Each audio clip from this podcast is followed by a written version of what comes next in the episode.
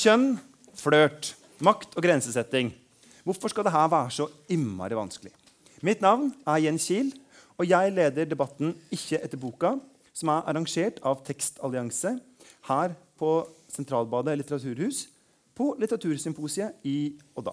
Og I panelet så har jeg deg, Nils Øyvind Haagensen, som er eh, forlegger i Flamme forlag og aktuell får vi si, med romanen 'Sangeria i parken'.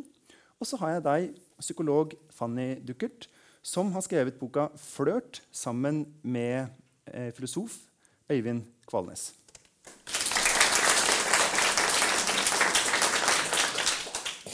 Og jeg tenker Vi starter eh, med deg, eh, Nils Øyvind. fordi Okay.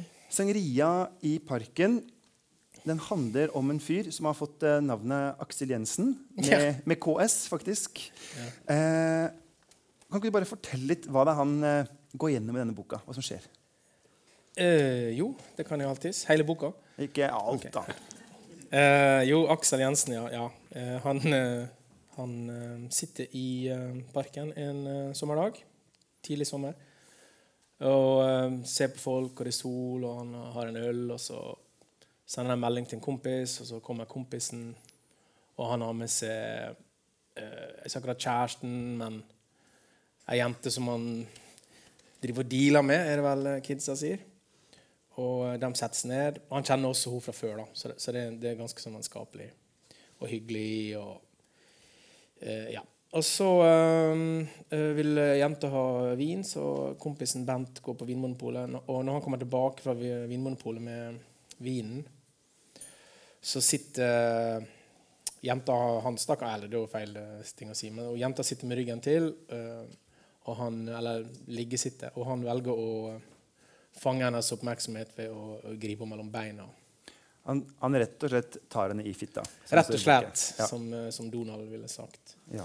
Um, og det som skjer da med Aksel Jensen, er Han registrerer jo det, for det er jo registreringsverdig, kan man si.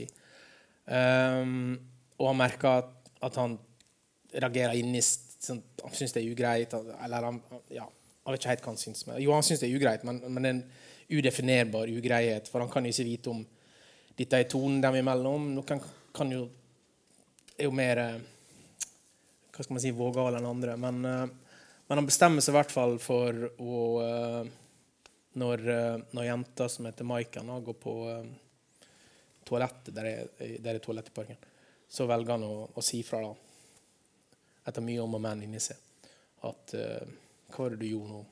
Liksom. Skulle det, hvorfor måtte du gjøre det på den måten? Hva skal det innebære? Hva skal det bety? Og um, i det samme han gjør det, så forandrer jo uh, hele dynamikken uh, seg. Fordi uh, kompisen føler seg angrepet og beskyldt for kanskje mer enn han har gjort. Kanskje ikke mer. Det er jo alt avhengig av om man er på en måte klar over konsekvensene og, og sånt, av sine egen, eh, sine egne handlinger. Da. For det var kanskje bare en spøk, eller det var bare litt kødding? Du, kan, du kan ikke vite det. Du ser noen gjøre det, kan du tenke «Å ja, ok, så sånn er dem. eller noe sånt. Ja. Men Noen bare elsker å ta hverandre skritt For eksempel. Ja, det er jo helt vanlig. Helt vanlige ting å gjøre. Uh, nei, det er jo selvfølgelig det som er poenget. Det er jo ikke helt vanlige ting å gjøre. sant? Uh, um, I hvert fall ikke i parken. Um, så, så derfor så Men tanken med det var jo, bare for å si det, det var jo at um, jeg ville ha en reaksjon på, eh, på eh, mannsdominant oppførsel, men, eh, men, men ikke, ikke et overgrep av typen som vi alle er enige om. Altså, der liksom, ja, Selvfølgelig sier du fra i en roman om det. Da blir det en veldig kjedelig roman. Men jeg tenkte at det måtte være en ting som var litt sånn liten da, i forhold til, til lovbrudd, f.eks. Og så følger vi da Aksel Jensen, for han blir eh, eh, Han blir et sånn, eh, sånn metoo-kampanje, en slags posterboy, Ja. eh, som da følger han via en podcast, podkast. Hvor han bare, Ja. han, bare han liksom dras Han gjennom livet litt sånn uten helt å skjønne hva han driver med. Så han, kan ikke du sette deg ned i denne hagen eh, og snakke med det som da etter hvert blir hans eksvenn, Ja. om at du har tatt eh, vår felles venninne eh, i eh, skrittet? Mm. Så gjør han det, og så havner han på Debatten hos Fredrik Solvang. og bare... ja, det baller på seg. Eh, og, og, men det vokser et sånn kan vi kalle det et slags mannshat i han? Å, nei, det var der fra før. Det var nok en del av grunnen til at, at reaksjonen kom.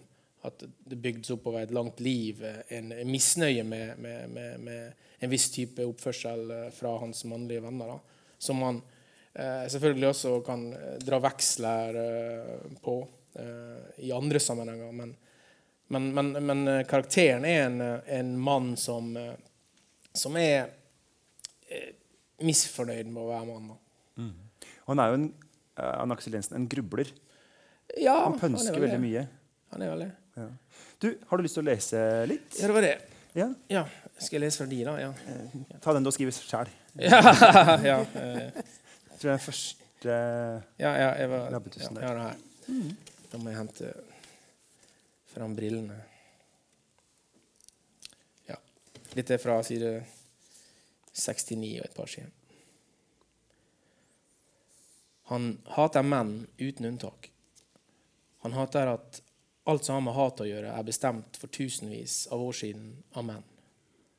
Han hater at alt som har med følelser og fornuft å gjøre, var bestemt for tusenvis av år siden av menn. Den ene halvdelen av verden forstår ikke den andres gleder, skriver Jane Austen om kvinner og menn. Og Aksel hater at det er mennene som har skapt denne inndelingen av verden at det er pga. menn Austin skrev akkurat det.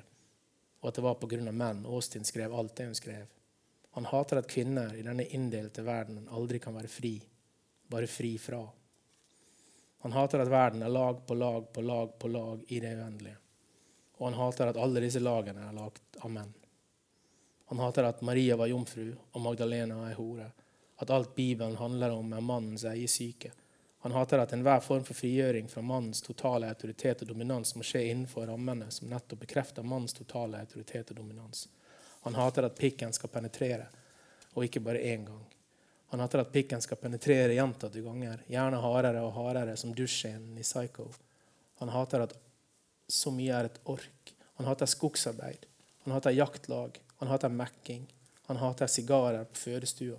Han hater Odyssevs og Ask Bulefot og Dirty Harry han hater superhelter. Han hater at det fins menn som har sammenligna seg selv med sola og staten og Gud.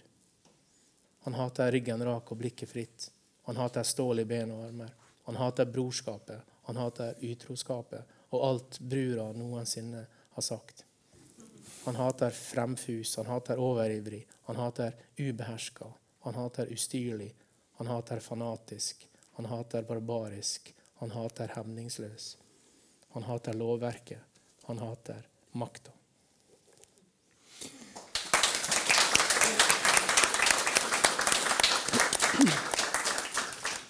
Altså, det er, eh, det er ganske hardt. Ja, det var mer der òg. Ja. ja. ja. er det så hardt, da? Jeg, mener, jeg syns det er ganske legitimt. hat. Hate. Altså, ikke, kanskje ikke 24 timer i døgnet, da, men, eh, men innimellom syns jeg det er helt legitimt. Mm -hmm. Når vi ser hva vann vi svømmer i, alle sammen. Hva mener du med det? Kanskje den historien? Hvilket vann vi svømmer i? Altså? Ja, ja, nei, Det er en gammel historie. David Foster Wallace har gjenfortalt i en liten bok der to unge fisker svømmer gjennom sjøen. som sånn, fisker gjør. Så kommer det en gammel fisk svømmer forbi, så sier han 'Hallo, gutter, hvordan, hvordan er vannet i dag?' Så svømmer han videre, så ser han ene på den andre etter han har svømt forbi, så sier han 'Hva er vann?' Mm. For de vet ikke hva de svømmer i. Ja. For de bare svømmer. Fanny, eh, ditt utgangspunkt for den boka dere har laga, kunne kanskje ikke vært mer annerledes enn eh, dette? Nei, jeg tenker det er vel Her er vi i en helt annen type verden. Selv om jeg, jeg kan godt forstå altså Hvis man har på ett bestemt type filter, så ser det ganske elendig ut. Mens eh, det Øyvind Kvalnes og jeg har gjort, er jo egentlig å ha et helt annet type filter. eh, som er eh, åpenheten, samspillene mellom mennesker. Og hvor vi tar utgangspunkt i noen veldig sånn fundamentale behov som vi har med oss fra fødsel, og som vi bærer med oss resten så lenge vi lever. Og det er jo behovet for altså, for å si det enkelt, behovet for kjærtegn. Altså, et lite menneske, en liten nyfødt baby, som ikke blir kost med, vil faktisk krumpe hendene og dø, som man har funnet i noen deler av historien. Sånn at helt fra starten skal vi utvikle oss, skal vi bli hele mennesker, skal vi bli oppegående. Så starter det så primitivt at du må kjærtegnes, du må klappes, du må koses. Og så blir det etter hvert også de mer symbolske kjærtegnene gjennom å møte det anerkjennende blikket, smilet, bekreftelsen. Og enten du blir strøket over kinnet eller gitt et kompliment, så får du en slags bekreftelse på din verdi. Og det, det spillet, gjensidige samspillet, tenker vi er veldig viktig. Og, og vi tenker at i Selvfølgelig når du går ut i grenselandene mot det forbudte, mot eh, overgrep, så blir disse mer sarte tingene kan lett overstrømmes, fordi vi alle blir så firkanta og indignerte og veldig opptatt av at nå må det bli orden og likeveid. Men så er vi mennesker, og vi er så kompliserte, sånn at de der ordentlige, greie inndelingene stemmer ofte ikke i virkeligheten. Mm.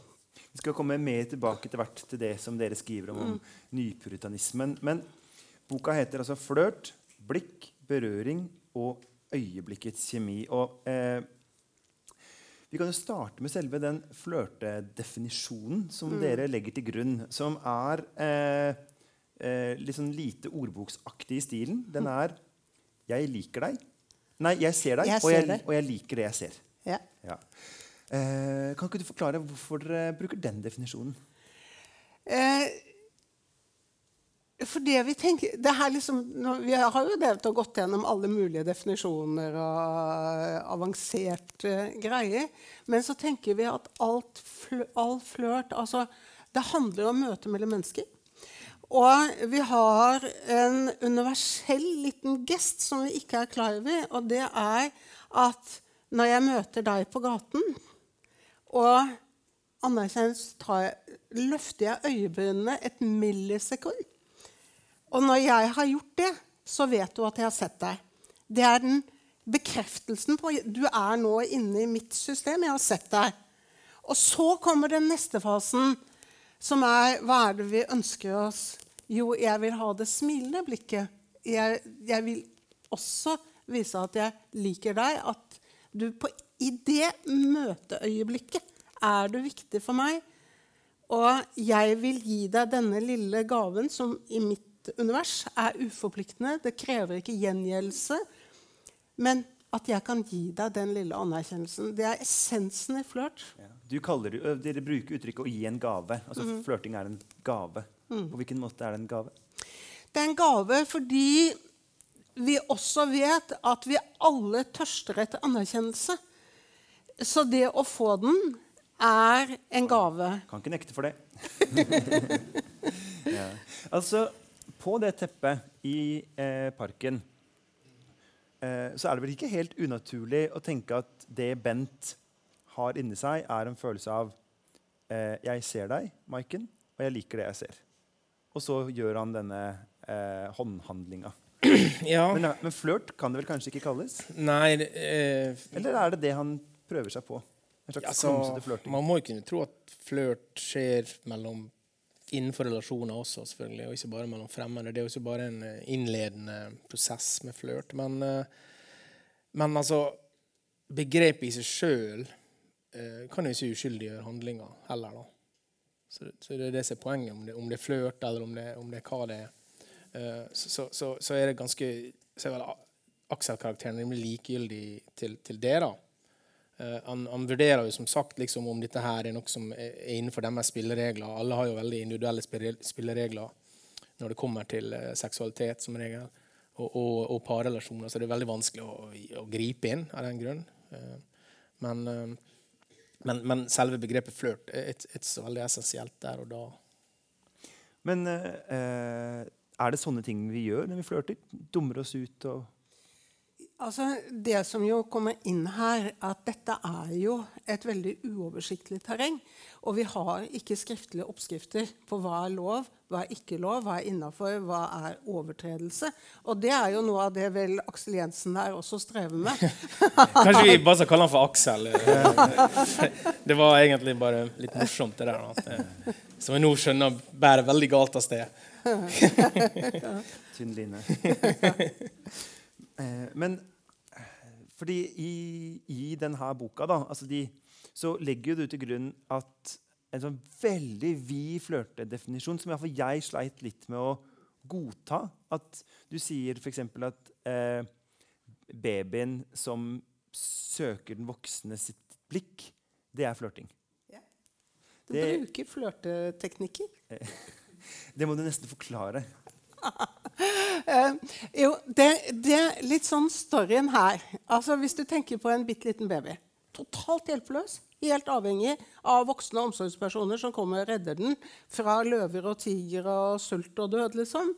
Og den har to typer verktøy. Det ene verktøyet er skriket. Skriket er eh, ekstremt ubehagelig, ekstremt mobiliserende. Alle voksne kaster seg rundt og gjør hva som helst for å få stoppet den skrikingen fordi det er nød. Men så har du på en måte den andre siden, som jeg sa, at rent fysisk, hvis du skal utvikle hjernen din, så må du koses med. Og det betyr at babyen må også bli kost med. Og dermed har naturen gitt et annet sett verktøy, og det er flørtingen. Og det en liten baby kan flørte, den vet, eller det ligger nedfelt, den der evnen til å fange blikket. Og når den får blikkontakt med deg, så smiler den, lener seg mot deg. Men ja, for at i, I mitt hode da, så er på en måte flørt primært noe jeg driver med eh, på puben en halvtime før stengetid. ikke sant? Eh, For å få deg et ligg. Ja. Ja, du sa det. eh, og så er det jo sånn at eller jeg lurer på, Er ikke da din definisjon så vid at den liksom mister litt betydning? Eller, kan man Nei, altså Jeg liker mer å tenke på at dette er et landskap med mange veier, mange ruter igjennom. Og flørt fins i mange varianter og på mange nivåer. Og eh, kan, altså Du har f.eks. For forskjellen du kan flørte for å oppnå noe, du kan flørte for å få sex, men du kan også flørte for å leke og ha det gøy. Og du kan flørte for å være nær noen, du kan flørte for å få hun sure ekspeditrisen på et kontor til å allikevel ville snakke med deg og være snill mot deg. Og da gjør du på en måte flørtinga til en bevisst strategi og en slags en, en, altså en, altså Hvis definisjonen av makt er at du kan få noen til å gjøre noe som de ellers ikke ville gjort, eh, så kan man altså bruke flørting som et, eh, et, en strategi for makt. Ja, du kan. Ja. Det kan du. Det er ikke nødvendigvis, men du kan det. For mange, mye flørting er ubevisst. altså Du tenker ikke over at du gjør det. Og så har du noen som er ekstremt kompetente, bevisste flørtere, og som bare måker over alle de kommer inn i kontakt med. ikke sant? Og liksom sånn for meg personlig Jeg har alltid vært glad i flørting. Og jeg begynte å jobbe systematisk med flørting når jeg jobbet som psykolog på en rusklinikk. Hvor da disse gutta på den klinikken de var ensomme, frustrerte, drømte om kjærligheten, og så hadde de ikke en eneste sosial ferdighet igjen i edru tilstand. For alt det de hadde holdt på med, det gjorde de når de var beruset. Og da sto de helt hjelpeløse. Og da var det at jeg begynte litt sånn å tenke ja, men herregud, da må vi jo bare lære disse gutta å flørte i edru tilstand. Og da må du identifisere hva er, hva er prosessen, hva er verktøyene, hvordan skal du bruke det. Så da har du det som en I den ene ekstremvarianten er det en, faktisk en terapeutisk teknikk. Men så driver vi med det, og det er de derre Jeg liker også øyeblikk, de derre mikroøyeblikk, kjærlige mikroøyeblikk. Disse streifene som bare kommer. Blikkene møtes, du ser noe du liker, et smil utveksles. Hold opp tua. Men hva, hva, tenker de, eh, hva tenker de eh, gutta i denne romanen din om en sånn type altså, de, jo, de har jo veldig ulike og ganske til dels aggressive strategier for å nærme seg damer. Eh, ja Utenom, Altså- utenom Aksel, kanskje? Eh, jo, nei, han òg sikkert. eh, altså sikkert. Som om han lever. Eh, jo, han òg. Men i, i, i, litt annen forstand, da, kanskje. I litt mindre grad. Men, men, eh, men jo, de er jo direkte fordi de kan være det. Fordi de er menn. Og en ting med flørt Jeg syns synes folk bare prøver å være hyggelige når du, når, når du snakker om flørt. At du prøver å få ei sur eh, eh, dame på butikken til å smile. Det, det, det kan jo bare være sjarm og være hyggelig. og og sånt, Som også kan være fryktelig irriterende hvis du er sur, da, selvfølgelig. Eh, men, uh, men flørt eh, jeg, jeg, jeg vil nok I min hverdag så ville jeg ha eh, tenkt på det som litt snevrere, ja. Definitivt. Eh, og, og at det er en litt tydeligere hensikt i enden av eh, oppførselen enn bare you know, smil, da, eh, kompis. eh, som, som ikke er en god ting å gjøre. Men, eh, men, men, men menn eh, Hvis vi skal liksom eh, sette på spissen denne vennegjengens oppførsel overfor kvinner i, i mitt litt snevrere flørte, flørteforståelse, så, så er jo det eh, poenget med romanen å si at de er mindre opptatt av konsekvensene av en mislykka flørt. Eller de er også mindre opptatt av eh, duellanten i flørten. Om, om du, du sier 'jeg ser det, og jeg liker det jeg ser' For meg så høres det litt sånn Jeg er ikke så sikker på om det er så behagelig at noen sier det. Hvis noen sa det til meg 'du, jeg ser det, jeg liker det jeg ser', da har jeg lyst til å gå med en gang. Så, og det, det er litt den holdninga Egentlig så er det en perfekt holdning. For det er den holdninga disse guttene har. da. Hvis de liker det de ser, OK, da, da går vi på det. Uh. For det er kanskje det som er Eller det er en av forskjellene, sånn som jeg leser i din bok. da, At hvis du sier at flørten er en eh, gave som ikke krever gjengjeldelse, veldig vanskelig ord, så tror jeg de gutta eh, vil si at flørten er en gave hvor det ligger en forventning om en gjengjeldelse. Definitivt. Ja. Forventning er, er Altså Jeg er verken forsker eller filosof, da, men, men, men, men jeg har levd noen år og, jeg, og som mann. Og jeg mener, i hvert fall i, i romanen, i disse karakterene, så prøver jeg å si at det fins en forventning hos menn når det kommer til eh, k- eh, kontakt med kvinner. Da snakker vi om heteroseksuelle menn. Eh, eh, så- nei, dem, vi må snakke om dem også. godt, eh, men akkurat denne romanen så er det det universet. da, så, så det, det er sikkert likedan, det vet jeg ikke. Men, um, men det ligger en forventning i menn til hvis et eller annet, kall det flørtete, lander eh, hos eh, eh, flørt, flørtende motparten, så oppstår det en forventning i mannen. Eh, han fortjener et eller annet mer enn bare 'Det var hyggelig å ha det'. Um, og i veldig mange tilfeller så, så, så, så er det harmløst, men, men det, kan, det kan også skape veldig farlige situasjoner. Den forventninga som menn har. Og jeg vet ikke hva slags prosesser som har skapt denne forventninga. Uh, kulturelle, politiske, hva som helst gjennom flere hundre år. Uh, antar jeg at det har skjedd på den måten. Men, men jeg mener hun er der. Definitivt. Og vi ser det også i eh, komme til uttrykk i eh, et begrep som incel, f.eks. Mm. Så ufrivillig eh? Et ufrivillig sølibat. Ufrivillig, ufrivillig Ja, det var egentlig de gutta du snakker om, som du har hatt kurs for. Som Ja. kunne ha endt Men, opp men det, er det er en veldig merkelig måte å definere seg sjøl på den måten. Som om det er noen andres skyld at, at, at du ikke får ligge med dem.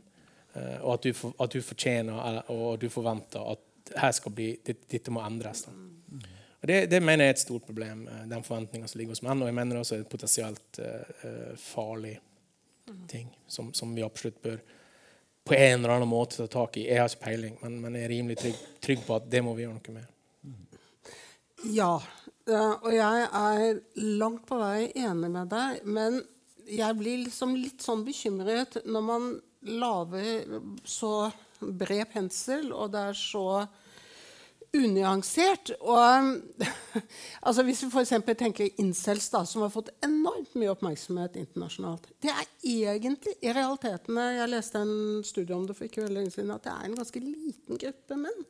Altså, og det man jo gjør med dette, så trekker man opp en ekstremgruppe. Og så begynner man å si at sånn er menn. Og det som bekymrer meg i en del av denne diskursen, det er en demonisering av en. Altså at fordi du er mann, så har du sånne forventninger, eller da oppfører du deg på den måten, eller da er det sånn. Jeg tror at det er mye mer nyansert enn det. Og, og for meg blir det liksom litt sånn ryddere i hodet mitt hvis jeg tenker at den dimensjonen som er trøblete her, det er maktdimensjonen.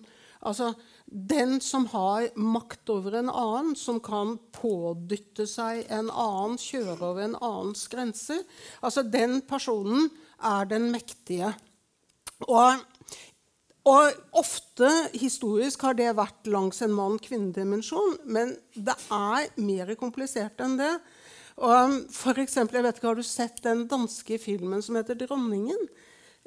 Som handler om en kvinnelig advokat som forgriper seg på sin 17-årige eh, stesønn. Og det er en helt klassisk metoo-story. Eh, det er bare at rollene er byttet om. Nå er det den voksne, mektige kvinnen som forgriper seg på denne unge mannen, og hvor han er hjelpeløs akkurat på det samme måte som veldig mange unge kvinner har vært. Og jeg syns den illustrerer noe av det som er essensen. Og at det er noe mer enn mann-kvinne-dimensjonen. Selvfølgelig, i hovedsak er det mest det, men det er kompliserte ting. For, men er det ikke altså, eh, I din bok også så skriver du jo om forskjellen på eh, unge kvinner og unge menn sine flørteteknikker. Og at de eh, Selvfølgelig du vil finne alle mulige eksempler på alt mm. mulig. Men hvis man skal kategorisere litt, så er de litt ulike. Og at eh, gutta er mer aggressive på en måte. Og eh, jeg har jo gleden av å ha heterofile venner og har jo vokst opp som eh, mann.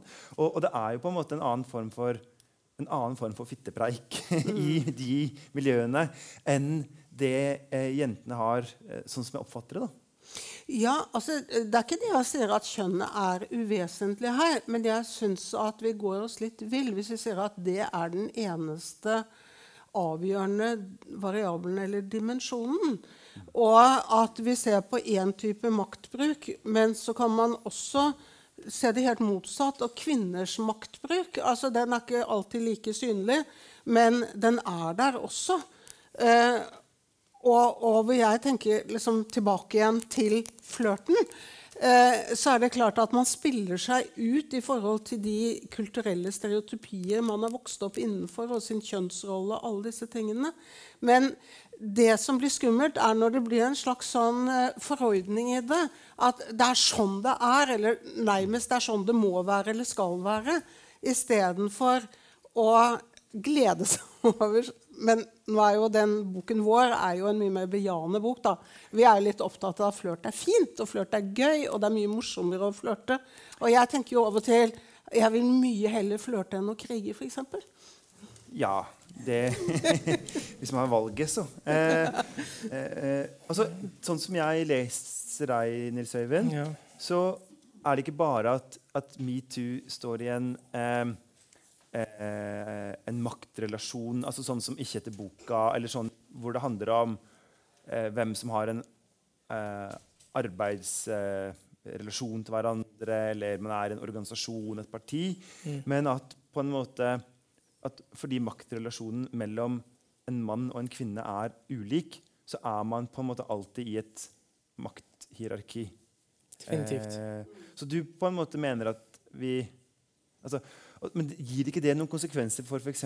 hvordan man altså da kan, kan, da menn ta noe særlig initiativ i det hele tatt? Fordi i et i et type metoo-hierarki så kan jo egentlig aldri den som står øverst, ta initiativet? Eh, ok.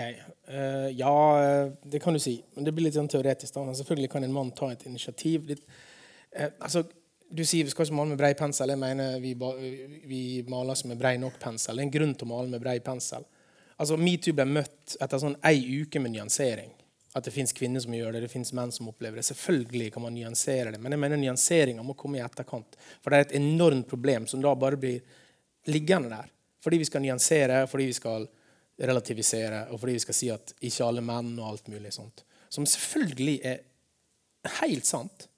Og selvfølgelig så eh, kan en mann oppføre seg som man Eller flørte, da, om du vil, eller sjekke uten å ha et, et, et bevisst forhold til, til, maktstrukturer og sånt i, i, hvert sekund av oppførselen hans. Men, men, det er jo ikke det vi snakker om nødvendigvis. Når vi, når vi prøver å gjøre metoo til et, et, eller annet som er tilbakelagt, eller et eller annet som er, som er gjort for stort. Det, det, det, er ikke gjort stort nok. Vi, vi, er akkurat der vi er. Jeg, får reaksjon. Jeg, fikk nettopp høre at liksom, problemet med dickpics i, i, i, i ikke ungdomsskolen videregående er større enn noensinne. Russelåtene er akkurat de samme. Det er akkurat det samme dynamikken om og om igjen. Og de prøver å si nei, dette er bare gøy, dette er bare kos, dette er bare flørt. Mens, mens sangene handler om at hora skal ned på kne, eller hva det er. Mm. Det, det, det, nøyaktig det samme. Det er helt uforandra. Og Derfor så mener jeg brei pensel er hjertelig velkommen. Altså. Selv om Du kan male med brei pensel og, og, samtidig være smart nok til å vite hva du gjør. Det betyr ikke at du er dum eller blind for, for at det fins nyanser. Vi er alle klar over at det fins nyanser, men vi er alle klar over at det er et massivt problem som, som, som ligger her. bare. Mm. Fanny, jeg har lyst til å lese litt fra eh, fra boka di. og Dere skriver jo mye om dette med hvordan man skal være bevisst på eh, maktrelasjoner og i alt fra eh, jobb til skole til alt det her. Så skriver dere vi er på side 178. Metoo-kampanjen har vært et viktig bidrag til å bevisstgjøre menn og kvinner om hvor grensene for akseptabel flørt går. Men i kjølvannet av metoo ser mange også ut til å ha blitt mer redde for å flørte. Vi er engstelige for å trå andre for nær og for å bli misforstått. På seminarer og konferanser er det ikke uvanlig at arrangøren griper mikrofonen før middagen og advarer. Husk på å oppføre dere ordentlig. Ikke sitt for tett, og ligg unna intime berøringer. Og, og jeg lurer på er men Metoo me handler vel aldri om flørting? Det var vel ikke flørting mm. man skulle slå ned på? Mm. Er ikke det jo, Har dere ikke gått litt hardt til verks her? Nei. Og, og, og, har man hørt Har dette faktisk blitt sagt på et seminar? Jeg ja, jo. Jeg har faktisk vært på det seminaret flere ganger. Hvor sånne ting er kommet til. Sånne påminninger. Og det er i og for seg Vi tåler godt det. Det er ikke det, er ikke det men eh, Altså Utfordringen vår er at sosiale samspill eh, eh i veldig stor grad er uten skriftlige oppskrifter. eller der, Vi har ikke manualer. Vi har ikke tydelige grenseoppganger. Sånn at vi, vi, skal bevege oss rundt i et terreng med stor grad av usikkerhet og stor risiko for å trå feil. Mm. Og, og, det er klart at øh, øh, disse, altså, denne demoniseringen på en måte gjør jo at folk blir da mer låst, mer usikre. Og eh, mange er liksom Og jeg må i hvert fall ikke ta sjansen, eller nå må jeg være veldig forsiktig og ikke trå feil. Um, og det som, det som, er i og for seg interessant Jeg har vært i en del mannsgrupper i det siste året særlig og det er frykten for å bli anklaget. Fordi at vi har jo et annet dilemma her. Altså, ikke sant? I retten så har du kontradiksjonsprinsippet. Altså ting skal sjekkes. Man skal, ikke sant? Blir man anklaget for noe, skal man vite hva det er. Man, det skal dokumenteres eller sannsynliggjøres hva som er sant galt.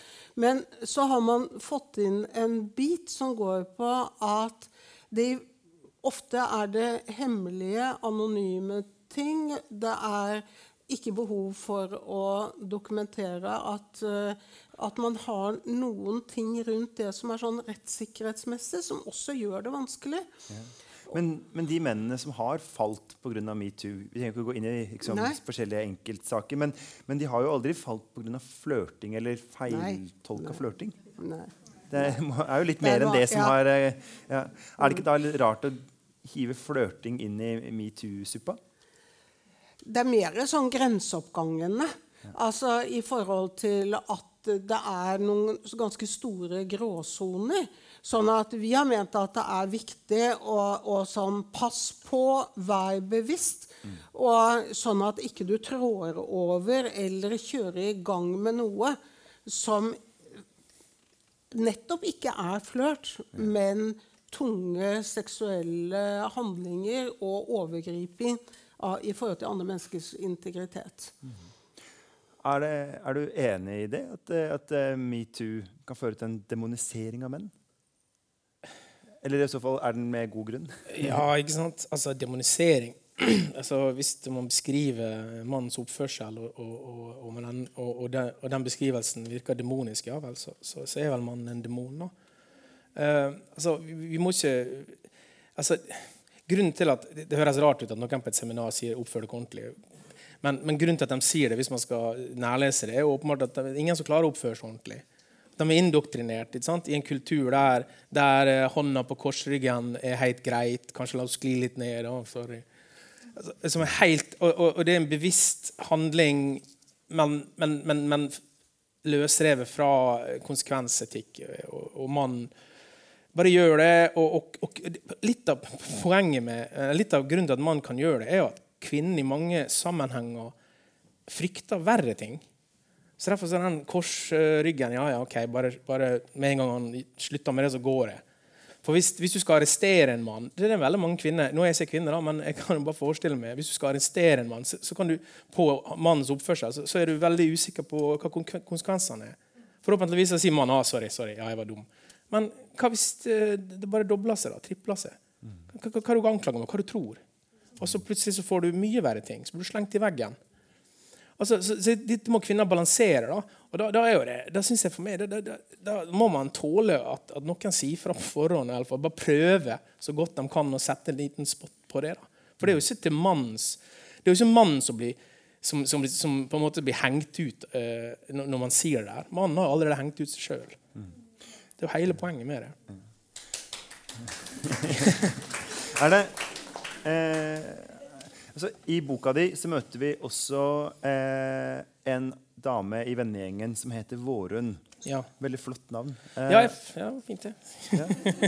Eh, og eh, de er på en måte De er venner, på en måte. De er i samme gjengen. Og så, eh, ganske langt ut i boka, så holder hun en slags eh, tale for eh, han og sier at eh, Har du ikke skjønt på en måte at hver eneste gang vi har kontakt, så er det fordi du tar kontakten ja. først. Det er aldri jeg som tar kontakt. Hva, hva, fører det til i vår relasjon? Har du aldri mm. reflektert over det? Mm. Eh, og vi på en måte, boka lar oss forstå at han nok har forstått det, men valgt å ikke eh, valgt å late som han ikke forsto det. Ja. Eh, og så tenkte jeg på liksom, i, i, mitt eget liv så Jeg har jo venner hvor det stort sett er de som tar kontakt først.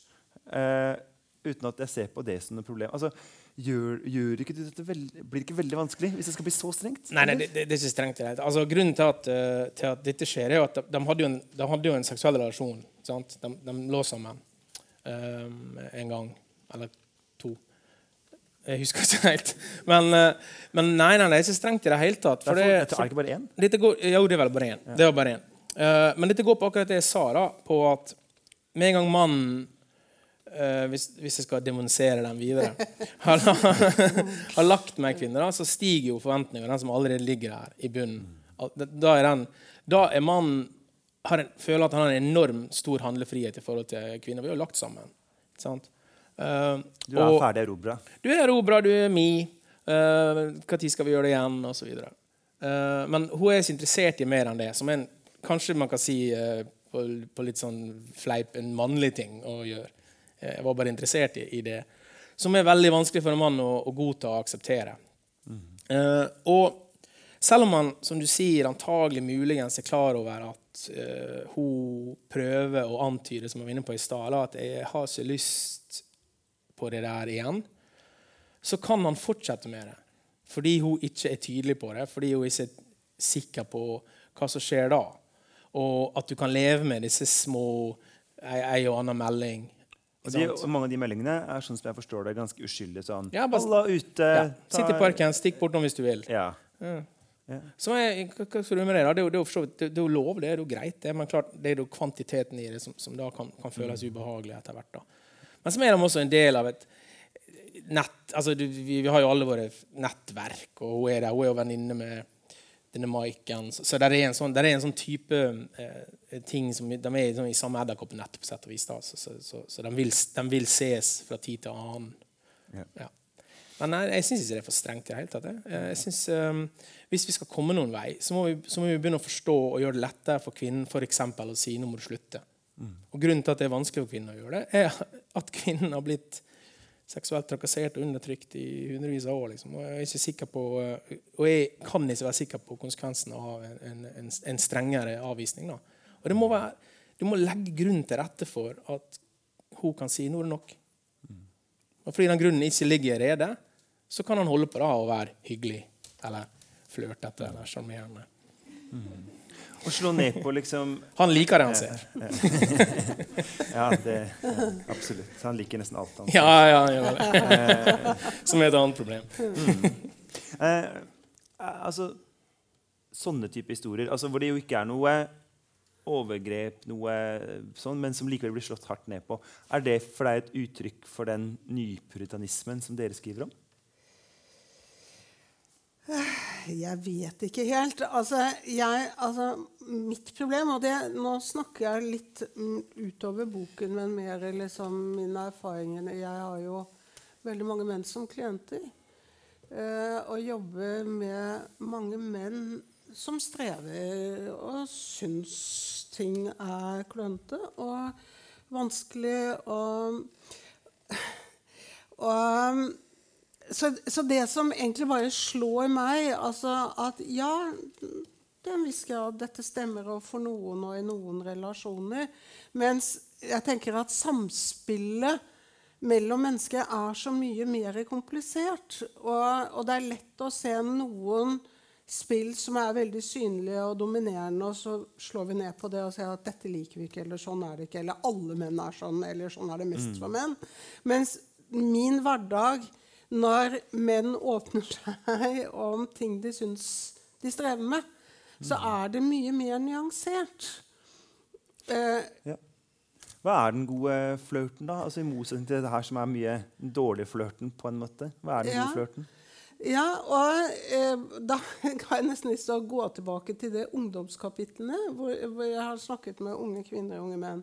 Og så spør vi liksom, hva er den gode flørten. Uh, og det som både gutter og jenter er opptatt av, det er det de kaller for den litt sånn autentiske flørten. Altså at du står ved Altså når du finner noen du liker, at du står ved det. Altså at du fortsetter, og at du tør å be om det du trenger. Ikke bare regne med at andre er, kan vet jeg har telepatiske evner og skjønner hva du trenger, hva du vil, uten at du behøver å si det høyt. Og, og, det å, å, be om det du trenger, og være åpen, for det er ikke sikkert jeg får det, men jeg vil allikevel si det, det tror jeg er litt sånn essensen i kommunikasjon mellom mennesker som fører til noe godt. Er det Altså, Aksel, som nå er uten etternavn, eh, er, er jo gjennom nærmest et slags flørtekurs i boka. Disse damene rundt han som til sammen utgjør bandet The Squad. ja. Eh, er det på tull, da? Nei, det står i boka. Ja, det gjør det. Så jeg vet det er sant. Eh, ja. eh, de, de, de, driver en slags opplæring av han, eller Nei. Men det lykkes kanskje ikke? Nei, eh, altså Opplæring opplæring. Altså, de, de, de, de finner vel en åpning for å, for å til denne, manns, til denne mannen til, til, en form for ærlighet. Da, til å kunne mm. uttrykke ting som, som, som, de kanskje ikke kan uttrykke i andre sammenhenger. Men det er opplæring. De er, så, de er jo ikke eh, arrogante på den måten at, at, at, at, han ikke har forstått noe. Jeg tror de bare prøver å si at vi, vi tror du har forstått. Mm. Og det er, eh, det er kanskje det som vi burde gjøre mer av. Mm. Kunne prate om ting. Ja. Hele poenget med sånn sett, Misjonen til romanen er jo på mange måter uh, at uh, For å snakke overskrift at metoo-samtalen hører hjemme i guttegjengen eller den hos kvinnene. Den har vart i fem år eller sånt i Norge nå, og det er stort sett kvinner som, som, som, blir bedt om å snakke, og det er kvinner som skriver bøker. Og, og i nyhetsbildet så var det kvinner som sto fram med, med, med opplevelser og, og sånt. Og, og mannen var veldig klar for å si ja, ja, jeg skal ikke si noe. Bare snakk, du. Mm. Og, den, og, og, da på en måte se ut som man bryr seg, se ut som man, man, tar saken på alvor, mens man egentlig bare er passiv og lar offeret snakke. Og vi kommer ingen vei hvis bare offeret skal snakke. Det er overgriperen som må snakke. Og poenget med romanen sånn sett, da, i en slags sånn politisk eller whatever, eh, er at dette er en samtale som ideelt sett eh, guttegjengen må ta, må, må ta 16-17-18 år. Og det er, det er, utopisk, kanskje, fordi vi vet ikke hva vann vi svømmer i. I hvert fall ikke dem. Men det Vi må dit da, for at noe skal faktisk forandre seg. Mer enn bare en eller annen mann blir um, tatt i hermetegn, eller, eller, eller, eller, noe sånt. da. Hva tenker du om det? Jeg, er, jeg er veldig enig.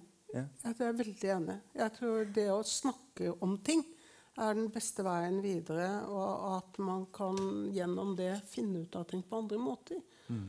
Rett og slett. Så jeg er helt enig. Ja, det er fryktelig vanskelig. Altså, mm. Eh, du snakket om grensesetting tidligere. Ja. og eh, Vi var inne på det når vi snakka i lag, at grensesetting er, er, er, vel og bra. og det, det, er ganske enkelt å gjøre det når man snakker om det i abstrakt forstand. Men når det kommer til praksis, mm. så trenger jo grensesetting grensevakter. Mm. Og det finnes det veldig lite av, og det er veldig få som har lyst til å ha den rolla. Mm. Uh, for hva hvis du tar feil? Uh, eller en varsler, da, som det heter i boka her. En varsler i vennegjengen. Uh, som heter, den podkasten heter? Nei, ja, Episoden hans heter 'Varsleren i vennegjengen'. Ja. Så var litt catchy. Men, og da er det faktisk at jeg mener at en sånn flørtebok er et av de små verktøyene som kan brukes. Fordi den hjelper oss å gjøre noen av de grenseoppgangene. Den hjelper oss å finne ut hva er det som skjer, og når er det bra, eh, hva må du passe på, hva må du huske på, hvordan kan du lese den andre. Og det er jo ofte litt det som er liksom menns utfordring, at de er dårligere på å lese ansiktsuttrykk, de er dårligere på å lese kroppsholdning. Eh, sånn at de f.eks. har en sånn tendens til å tro at et smil er mye mer interessert enn det faktisk er.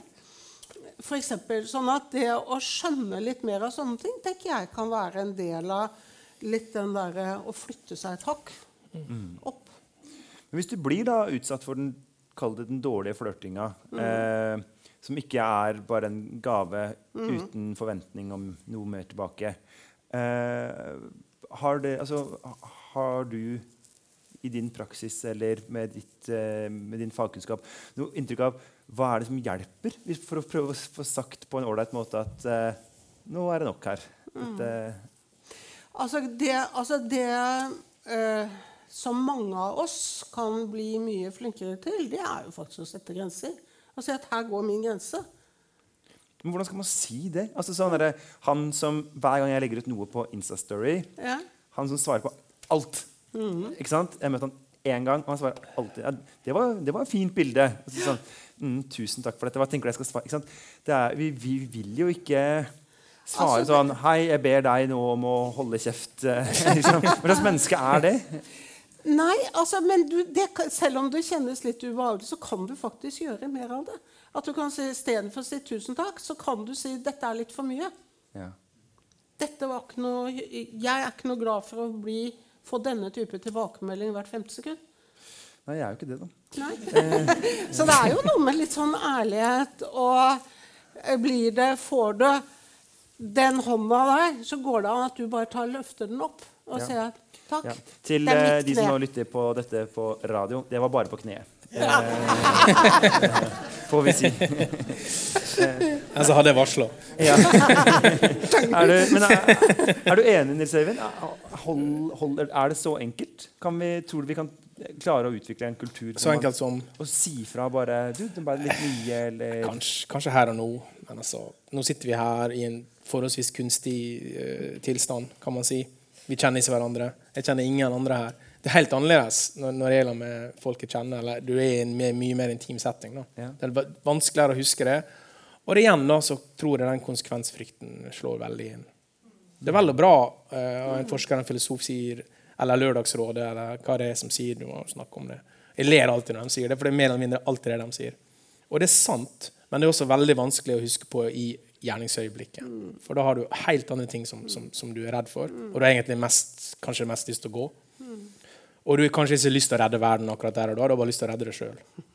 Og da er det vanskelig å, å være en varsler da, eller en, eller en grensevakt. Fryktelig vanskelig. Og vi skal, poenget mitt er også at vi skal slippe å være det.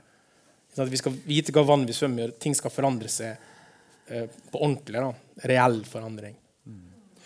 Boka di heter eh, 'Sangria i parken'.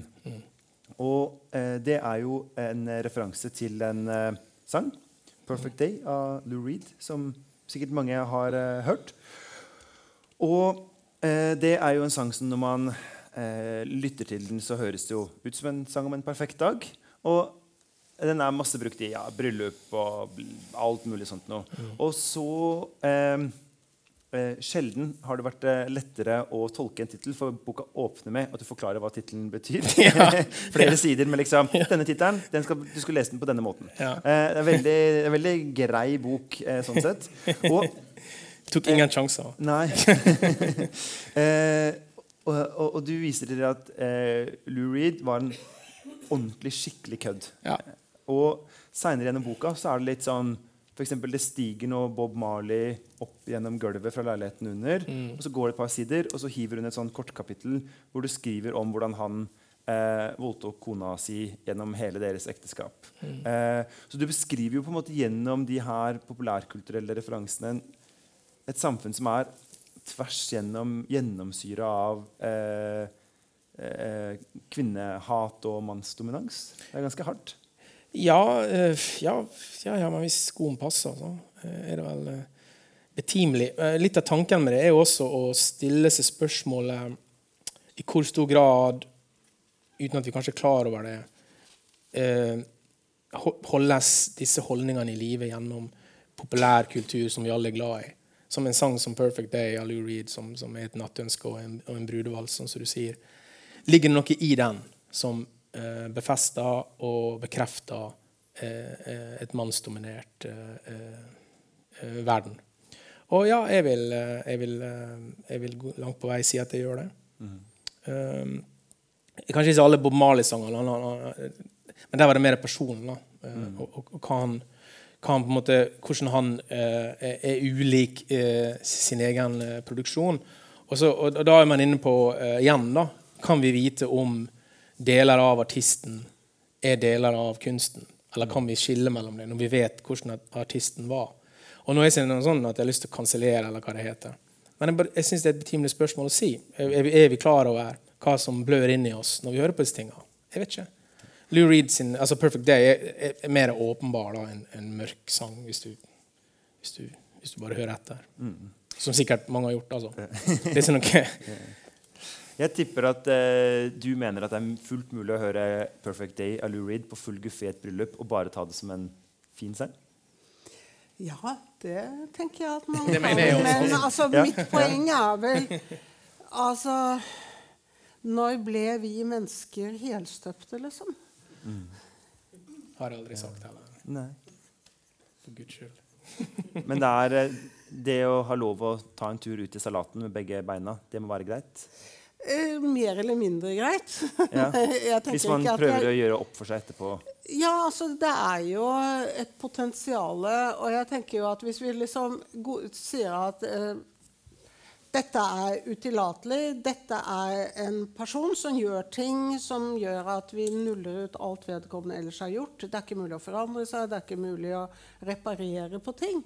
Så forsvinner jo veldig mye av alle våre samfunnsinstitusjoner. da. Da, kan vi jo slutte å tro at læring virker, vi kan slutte å tro at terapi virker, vi kan slutte å tro at refleksjon virker. Hvis vi, vi på en måte har laget et statisk menneskebilde. Eh, jeg personlig tenker at det, livet er så komplisert. Vi mennesker er så komplekse. Vi er alltid en blanding av godt og vondt. Altså, vi kan gjøre uendelige gode gjerninger for hverandre, men vi kan også være de mest brutale, grusomme i, i, i verden mot hverandre. Altså, i, under konsentrasjonsleirene altså, Når vi vet hva vi mennesker er i stand til, så blir, blir det vanskelig for meg å se at vi må lage en form og si at det er bare det formatet som vi aksepterer. Det, jeg tror ikke det er mulig. Jeg tror ikke det vi snakker om. Vi snakker vel om format vi ikke aksepterer. Jo, Det er stor men hvis vi sier at altså, det, Det, det, er ikke, det er ikke det er sant at ved å luke ut disse tingene her, så plutselig så er vi ville og, og, og kule lenger. Det, er jo- bare tull, det. da. Det er snakk om at det er en reell likhet Ja. kjønnene imellom. Ikke sant? Helt greit. Og vi har regler, vi har et rettsvern. Men Det høres ut som du tror ha. at alt blir A4 hvis, hvis disse menn kan like det de ser. og Det, det, det, det er jeg nokså uenig i. Det høres i hvert fall ut som om eh, det du sier om at eh, mennesker kan forbedre seg av å snakke sammen, er jo heldigvis også noe vi ser en del av i eh, boka di, eh, Nils Øyvind. Ja. Og jeg tror jeg avslutter på en litt sånn positiv eh, vibb. Eh, rett og slett. Jeg bestemmer det. Sånn er det å være programleder. Eh, tusen takk til Fanny Duckert. Tusen takk til Nils Øyvind eh, Haagensen. Dette var en samtale i regi av eh, Tekstallianse her på Litteratursymposiet i eh, Odda. Mitt navn er Jens Kiel.